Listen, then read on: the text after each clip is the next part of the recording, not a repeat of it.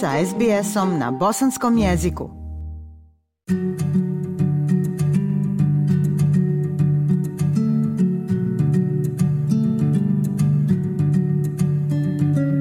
Slušate program SBS radija na bosanskom. U Njujorku se trenutno održava 77. generalna skupština Ujedinjenih naroda. Dok je sukob u Ukrajini dominirao početkom skupštine, klimatske promjene su također bile velika tema. Prilog Tine Quinn. Ujedinjeni narodi to nazivaju najvećom diplomatskom sedmicom u godini, kada Generalna skupština služi kao jednonedjeljni forum za države članice da razgovaraju o međunarodnim pitanjima. Prvih nekoliko dana vidjeli smo da su lideri iz cijelog svijeta podijelili svoju zabrinutost zbog najhitnijih globalnih izazova I dok je sukob u Ukrajini bio na prvom mjestu, klimatske promjene također nisu mnogo zaostajale. Nakon okruglog stola o klimatskim akcijama održanom na marginama konferencije, generalni sekretar Antonio Guterres upozorio je da je vremena sve manje. Upravo sam završio dva sastanka sa brojnim šefovima država i vlada kako bih razgovarao o klimatskoj vanrednoj situaciji i trostrukoj globalnoj krizi hrane, energenata i financija. Moje poruke su bile oštre. O klimatskoj vanrednoj situaciji, o porastu temperature za 1,5 stepen, što je na samoj granici održavanja života, a vremena je sve manje. Predsjednik Sjedinjenih država Joe Biden bio je primjetno odsutan, što je izazvalo zabrinutost da će i drugi lideri G7 odustati od sjednice koja je trebala pomoći u pripremama za pregovore kasnije ove godine na COP27 u Egiptu uprko upozorenju na početku Skupštine. There is another battle we must end. Postoji još jedna bitka koju moramo okončati. Naš samoubilački rat protiv prirode.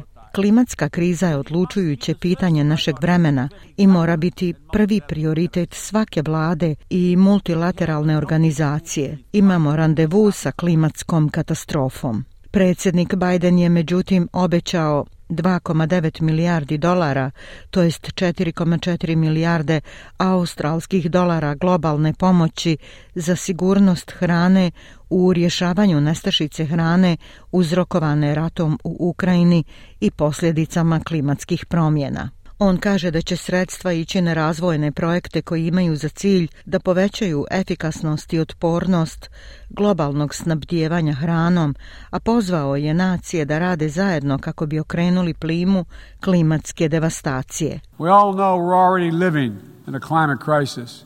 No one seems to doubt it after this past year. Svi znamo da već živimo u klimatskoj krizi. Čini se da niko ne sumnja u to nakon prošle godine. Od vremena našeg susreta, veliki dio Pakistana je još uvijek pod vodom. U međuvremenu rog Afrike se suočava sa sušom bez presedana. Porodice se suočavaju s nemogućim izborima. Biraju koje dijete hraniti i pitaju se da li će preživjeti.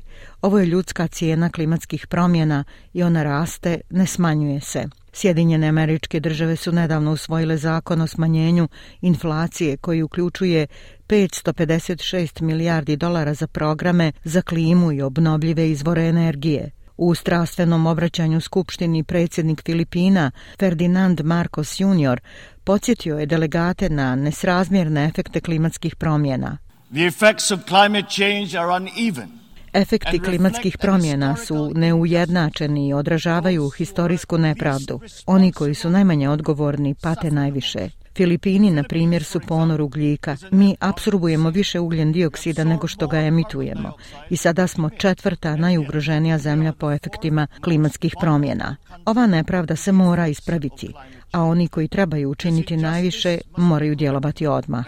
Optužujući čelnike za licemjerstvo u vezi s tim pitanjem, kolumbijski predsjednik Gustavo Petro ukazao je na uništenje amazonske prašume, tvrdeći da je globalni rat protiv droga neuspješan. ¿Qué es más venenoso para el ser humano?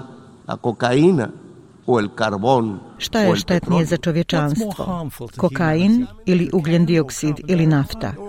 Volja moći je naredila da je kokain otrov i da ga se mora progoniti.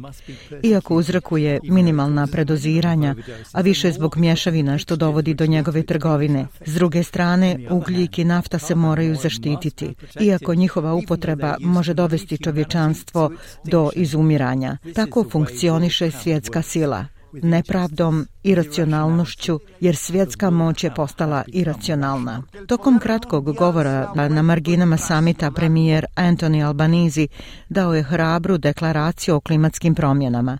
Pojavljujući se u kratkoj videoporuci, premijer je podržao zakletvu lidera za prirodu koja se obavezuje da će preokrenuti gubitak biodiverziteta do 2030. godine, uključujući zaustavljanje izumiranja vrsta koja su uzrokovali ljudi. On kaže da Australija razumije hitnost rješavanja ekoloških izazova sa kojima se planeta suočava i da je zemlja posvećena tome da bude lider u globalnoj borbi za rješavanje ovih izazova. Richard Mercian, direktor za klimu i energiju Australskog instituta, kaže da je obećanje australijskog premijera dobrodošao pomak. It's great to see that climate change hasn't slipped onto the back burner given the other geopolitical issues Sjajno je vidjeti da klimatske promjene nisu gurnute u čošak s obzirom da su druga geopolitička pitanja u igri. Australija je poslala svog ministra vanjskih poslova i svog ministra klime što pokazuje da želi pokazati pravi pomak od prošle vlade. i to vođstvo koje Australija želi igrati u ovom prostoru uključuje pridruživanje postojećim obećanjima koja je Morrisonova vlada ignorisala kao i nastojanje da budu domaćini sastanka kako bi zauzeli stvarnu predsjedavajuću poziciju u nizu ovih foruma, što je dobrodošla promjena. Ali on je i dalje skeptičan u pogledu premijerovog stepena posvećenosti ovom pitanju nakon što je Albanizijeva vlada pokrenula svoj prvi krug dozvola koje su otvorile skoro 47.000 kvadratnih kilometara australskih voda za istraživanje nafte i gasa. I think the Albanese government's trying to have uh, it, it, you know, Mislim da vlada Albanizija pokušava dobiti svoj kolač i istovremeno ga pojesti.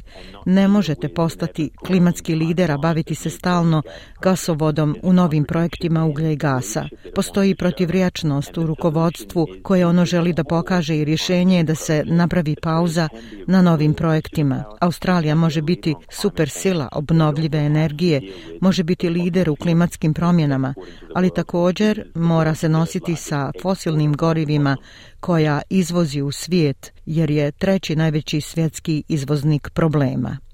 Senatorka zelenih Janet Rice kaže da iako je zadovoljna što gospodin Albanizi obraća pažnju na krizu biodiverziteta, da se on mora vratiti nazad na industrije koje su ključni zagađivači planete. If you look at the power of the fossil fuel industries, the coal and gas industries versus the power to be doing the right thing to be protecting our biodiversity it's pretty clear who Ako pogledate moć industrije fosilnih goriva, industrije uglja i plina, naspram moći da radimo pravu stvar, da zaštitimo našu biološku raznolikost, prilično je jasno ko pobjeđuje u ovom trenutku, a to je industrija uglja i gasa.